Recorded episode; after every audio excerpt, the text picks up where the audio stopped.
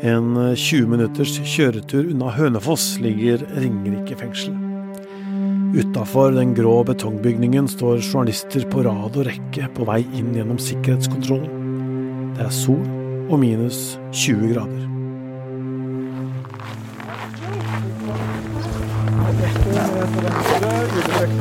Ja. Er det vesker og utstyr der, og så er det det her? Ja.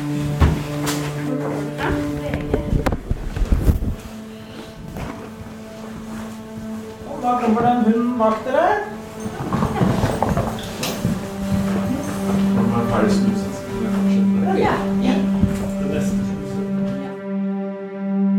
En hund lukter på alle som skal inn i fengselet, mens sikkerhetsvakter går gjennom bager og vesker. Alle går så inn i en gymsal, der treparketten i Ringerike fengsel er lånt ut til Oslo tingrett for anledningen. Salen har ribbevegger på den ene sida og en klatrevegg på den andre. I den ene enden er det et riksvåpen der det vanligvis henger en basketballkurv. Dette er over skrivebordet til rettens administrator, tingrettsdommer Birgitte Kollerud.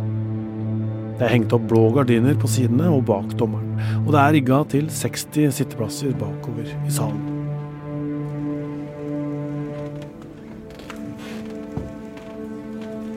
Anders Behring Breivik er blitt 44 år gammel og ankommer retten sammen med tre fengselsbetjenter.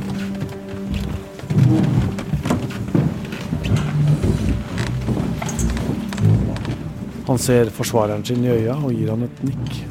Så ser han seg rundt og bruker god tid foran pressens kameralinser. Skjegget har blitt grått. Han framstår rolig og går i en svart dress med et kobberbrunt slips. I motsetning til de andre gangene massedrapsmannen har møtt i retten, så har han ingen hilsen eller noe ideologisk budskap han viser fram.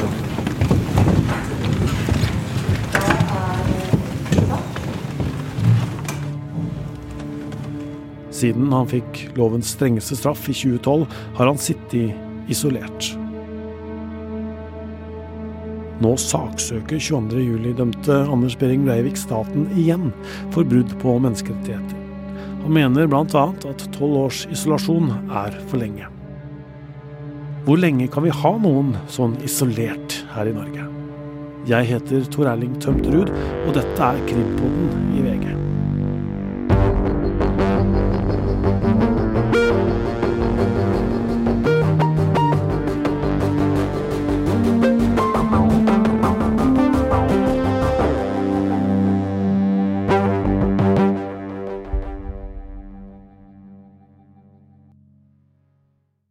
Klokka ti mandag morgen blei retten satt, og der var Krimpoddens reporter Hanna Espevik sammen med krimkommentator Øystein Milli.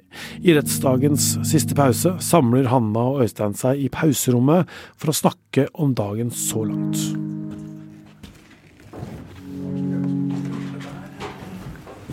Hva sa du? Jeg sto her i stad, det funka fint. Ja, så bra. Kanskje litt bråk fra den, men eh, Men litt bråk, det det går Ja da, bra. ja da, det gjør det.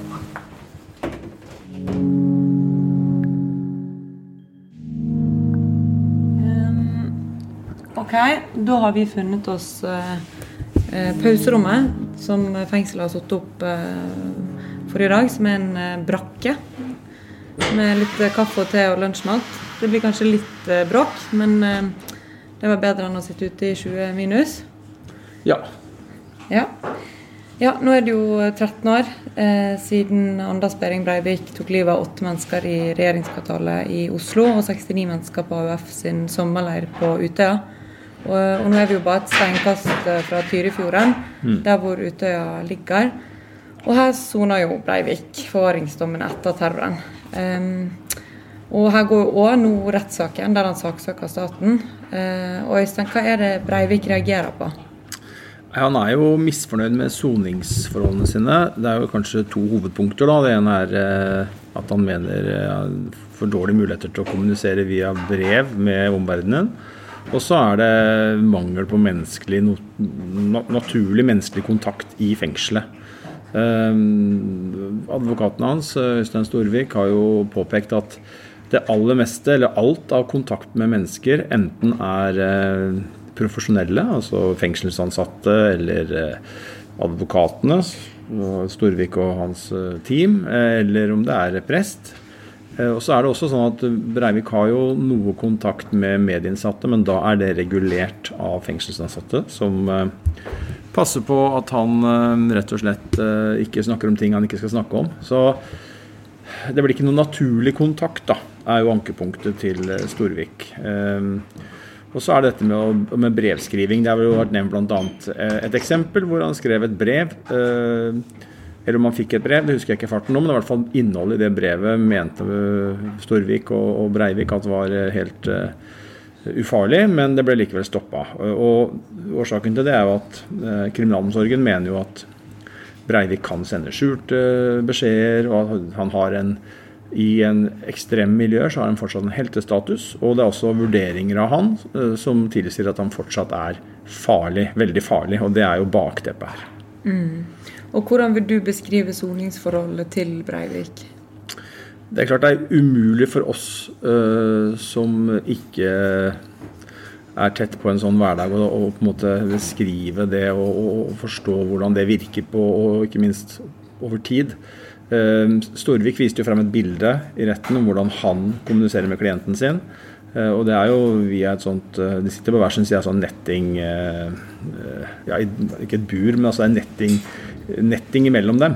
og han påpekte jo bl.a. at det gjør at du begynner å flimre i øya etter at du har sittet og sett på hverandre gjennom en sånn netting Eh, i løpet av en, ja, en times tid. Da. Eh, men så sier jo kriminalomsorgen at de mener jo at Breivik er farlig, og at han sitter jo fortsatt på, på særlig høy sikkerhet. Eh, men at man har gjort en rekke avdempende eller avbøtende tiltak. Han har tilgang på Det er feil å kalle det leilighet, men det er jo flere rom, flere funksjoner der. Han har vi har sett bilde av TV-stua hans, eh, hvor han har en TV og sofa. Eh, vi har med bilder på veggen. Man forsøker å gjøre det litt sånn innafor de rammene som er her. da. Sitter vi i Ringerike fengsel her, og vi er jo et av eh, Norges sikreste fengsler hvor noen av de farligste sitter. Så prøver man jo likevel å og, gjøre det humant. Det er jo en sånn nøkkel, nøkkelbegrep i, i, norsk kriminalomsorg. At det skal være humant selv om det er strengt, og selv om du soner strenge straffer. Eh, og så har han jo da treningsrom. Han kan vel lage seg noe mat, kjøkken. uh, ja. Han, men han lever jo da avsondret fra andre. Han har ikke noe sånn fast fellesskap. Han sitter for seg sjøl, men som sagt har fått noe dialog eller noe kontakt med noen medinnsatte. Eh, men da under eh, overvåkning eh, fra, fra fengsels, fengselsansatte. Mm. Han har jo også fått noen dyr. Ja. ja. Tre undulater. Og Storvik brukte jo litt det som et poeng i sin innledning nå. Han sa at undulatene var tre, angivelig fordi at de ikke kan være én og én. Mens Breivik da, han kan, kan være én, og mente det var et paradoks. Eh, at det var en forskjell der, og at det illustrerer på en måte noe av det poenget de har. da, At uh, om du er menneske eller dyr, et individ har behov for å ha samspill med, med noen andre. Men at da Breivik ikke fikk det, mens undulatene hans fikk det. Mm. hvordan syns du han framstår i retten så langt? Jeg var veldig spent på hvordan det her skulle bli. Jeg har jo fulgt denne saken helt siden rettssaken eller siden terrorangrepet skjedde. Men også eh, Jeg var jo på Utøya da han rekonstruerte eh, sine terrorhandlinger og, og massedrap der. Jeg har fulgt hele rettssaken i Oslo i 2012 og har jo sett ham da i disse rundene etterpå. Um, og var jo spent nå på hvordan han framsto i forhold til dette med budskap. Og var jo frykta jo at det kunne komme noen forsøk på det. Eh, til nå har det gått bra. Han virker jo veldig sånn beherska. Han kommer i dress og slips og går veldig rolige skritt, veldig rolige bevegelser. Eh, ganske lite mimikk etter det jeg har sett, eh, men han har ikke sagt noe ennå. Han har bare tatt plass ved siden eller mellom advokatene sine. Og så kom han jo med en, en liten uttalelse Eh, og da var jeg også litt sånn eh, tenkte jeg, hva, hva, hva, skjer nå? Men det var for så vidt udramatisk. Han hadde behov for å meddele at uh, han gjerne skulle sagt noe til oss i pressen, at han ikke fikk lov. Så kan man jo spekulere om det var Jeg skal ikke kalle det spill for galleriet, men at det var en uttenkt strategi for å på en måte understreke den eh, problemstillingen han mener er her. da, At han ikke engang kan si noe. Han, har, på en måte, han vil kanskje hevde at han ikke har ytringsfrihet. At han ikke kan si noe til oss eh, her. Som, som, når han har saksøkt staten og står i retten her, så kunne man tenke seg at han kanskje kunne kommentere det eller si noe, men han hevda da at han ikke hadde lov å si noe. Og Så får vi jo se hva vi hadde gjort hvis han hadde kunnet sagt noe. Det ville blitt en presseetisk vurdering, men dit kom vi jo aldri. Han bare fremførte et budskap om at han ikke fikk lov å si noe. Mm. Um, det er jo ikke første gang han saksøker staten for brudd på menneskerettighetene. Eh, hvordan vil du oppsummere den forrige rettsrunden, som da var i Skien fengsel i 2017? Ja, da ble jo staten dømt i tingretten. Og så, og så ble, ble, det jo endring på det i de andre rettsinstansene. Ehm, så er jo spenningsmomentet nå, sånn rettslig sett, er jo eh, om eh, situasjonen har endra seg. Nå har det jo gått eh, vi er jo inne i, ja, det har gått snart sju år siden den runden der. da. Ehm, og, og Storvik, Øystein Storvik, som jo er prosessfullmektig til, til Breivik, han mener jo at det har skjedd altfor lite progresjon, altfor lite endring. Han sa jo en, litt i retten her om at de bar håp om da Breivik ble flytta hit til, Ringerike, om at det skulle bli endring, og at de tenkte at nå Det regimet i Skien var de lite fornøyd med, det har de jo ikke lagt skjul på. At de håpa at det skulle bli en positiv endring, men det mener jo de da at det ikke har blitt. Um, og så er det jo opp til retten å vurdere, for det er klart et hensyn her er jo tida som har gått. Vil retten vurdere at det nå er eh, for å ivareta menneskerettighetene Breivik, så at det da vil være viktig og riktig å på en måte gi han eh, noen flere lempe, lempninger. Eh, at han skal ha det. Er, det. er det riktig, eller er det fortsatt sånn at man støtter regjeringsadvokaten, som jo fører denne saken på vegne av kriminalomsorgen, i at man har gjort en masse tilpasninger, og at han har, fått et, har en progresjon i soninga si, og at han nå har en en eh, soning som er så bra som den kan innenfor det regimet han må sitte under, at han fortsatt er farlig, og at de har gjort det de kan. Eh, ja, for Hvor ofte kan han saksøke staten sånn som han gjør nå? Det er ikke noen sånn fast regel på det, men Storvik sa vel at grunnen, bakgrunnen for denne runden var at de, da de så at de ikke fikk de eh, forholdene og de tillempningene som de håpa på her i Ringerike fengsel, så starta de å forberede til søksmålet. Og så er det sånn at eh, hvis det blir, Nå blir det en dom etter hvert, og den kan jo også ankes eh, kanskje, da, men, men den avgjørelsen her, uansett hvilken rettsinstans som, som, treffer den på si, endelige her, så vil det jo ta litt tid før han Det er ikke noe vits å saksøke om noen uker eller etter en avgjørelse har falt, fordi at det må jo være noen nye argumenter da, tenker jeg, for å kunne gjøre det. Uh, og det, når man har fått en prøving her nå, så regner jeg med at da vil det gå tid fram til det eventuelt kommer noe nytt. Det vil være naturlig. At det kommer noe nytt, nye momenter som man mener da kan kaste nytt lys over saken ved et, senere tidspunkt. Mm. Og Denne rettssaken den går jo over en uke, og vi kommer med en ny oppsummerende episode på fredag allerede. Eh, I morgen så skal jo Breivik eh, sjøl forklare seg. Eh, kunne du dratt oss litt gjennom både vitnelisten og de neste dagene i retten? Ja, det er jo Breivik som du sier, Hanna, som skal forklare seg i, i morgen. Og så blir det jo vitneførsel fra uh, en del uh, ansatte her i fengselet, og andre som har kontakt med han, og som skal gi vurderinger. Uh, og Så vil det jo bli en befaring her etter hvert. Det er jo da på onsdag. Og så blir det jo da avsluttende prosedyrer på, på fredag. Så det er jo en, det er en rettssak som er ganske Ikke veldig omfangsrik. Det er fem rettsdager, men vi begynner jo uh, ti fordi at det er et fengsel, og det tar litt det, litt, det, er litt prosess for å få folk ut og inn. Og det er også satt av ganske lite tid til Breivik, jeg tror det er to timer, som han skal forklare seg.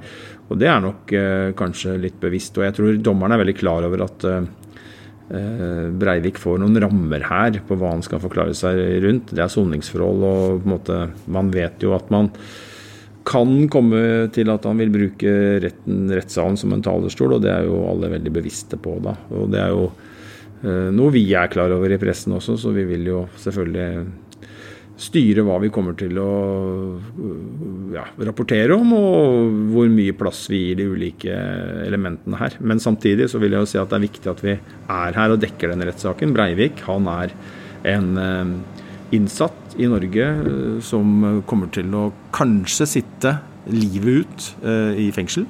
Og det er klart at hvordan storsamfunnet, rettssamfunnet behandler han, hvilket regime han sitter under, selv om han eh, står bak eh, terrorhandlinger som ikke er til å fatte rekkevidden av, så har han krav på rettssikkerhet. og Det er jo da viktig at også vi i pressen belyser soningssituasjonen hans.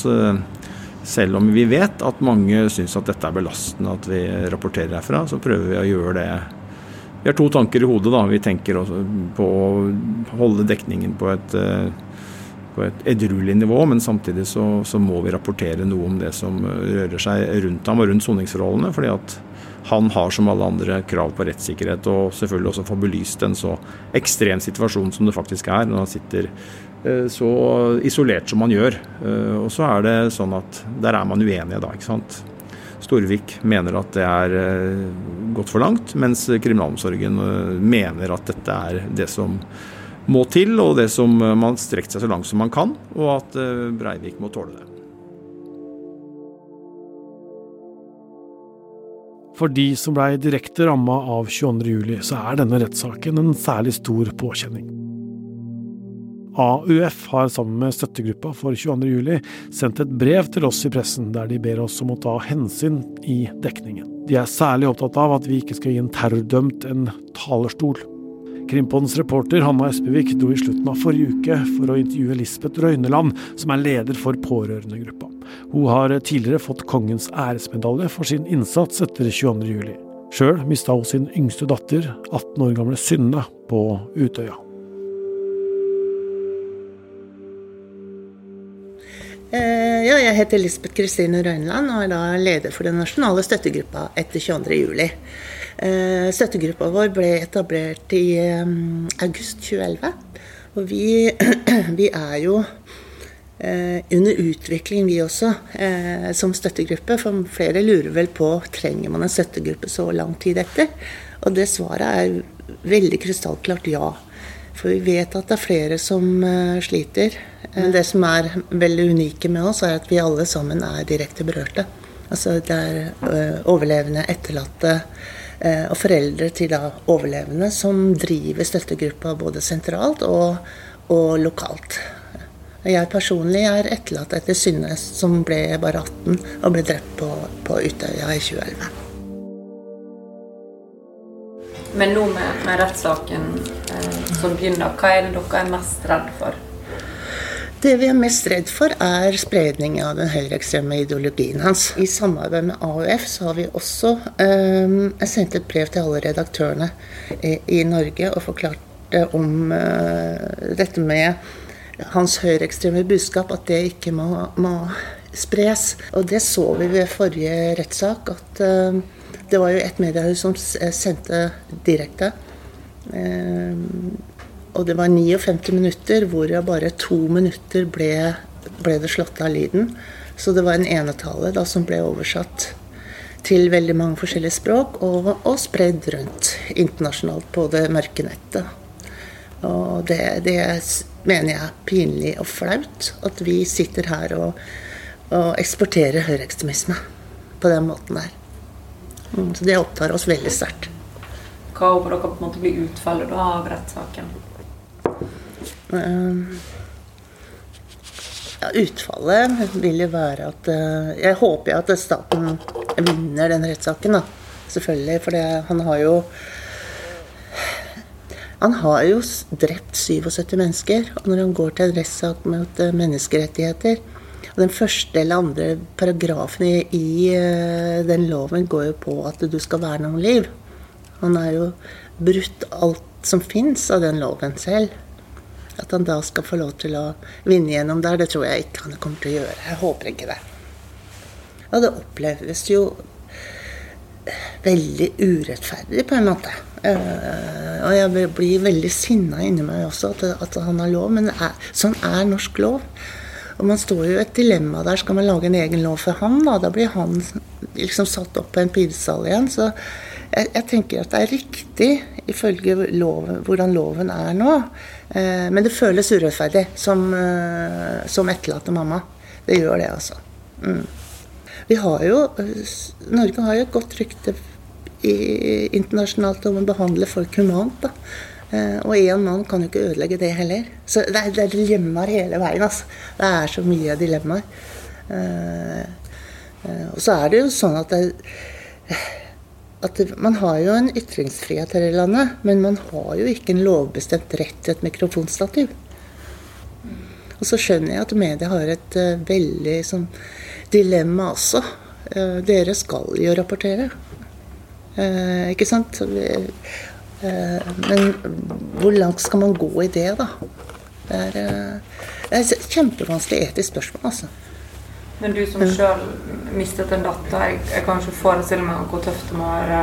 Altså, Hvor finner du den styrken til å klare å følge med på, på rettssakene og, og, engasjere deg her? Ja, jeg har noe med Altså Når det gjelder sånn sorgarbeid, da, så, så er vi jo veldig forskjellige.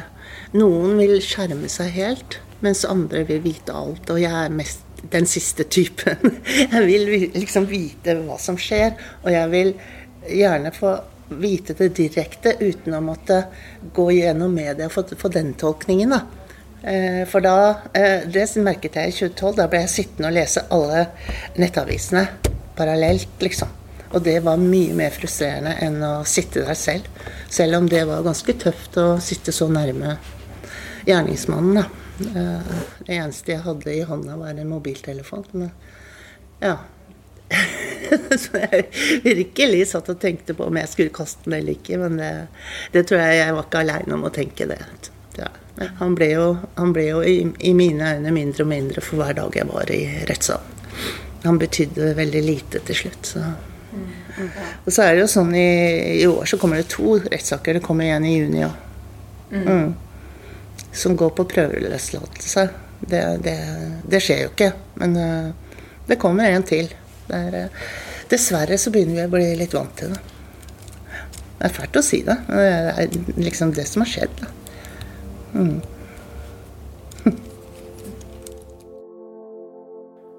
Tirsdagen denne uken skal eh, Breivik sjøl forklare seg, og vi er også i retten når han gjør det. På fredag kommer det en episode om hvordan hele denne uka i retten har gått. Og på torsdag så kommer det en episode om Anders Besseberg, den tidligere skiskytterpresidenten, som denne uka er i retten tiltalt for grov korrupsjon. Du har kanskje hørt eh, podkasten i Alt fortalt som heter Skandalepresidenten. Hvis ikke, så anbefaler vi den. Den handler om hvorfor han nå er tiltalt for grov korrupsjon i et eh, skiskyttermiljø som eh, mangler sidestykke. Denne episoden er laga av Hanna Espevik, og krimkommentator Øystein Milli var med. Krimpoddens redaksjon består også av Ruth Einhold Nilsen og produsent Vilde Worren. Nyhetssjef er Emilie Hall Torp, og jeg heter Tor Erling Tømt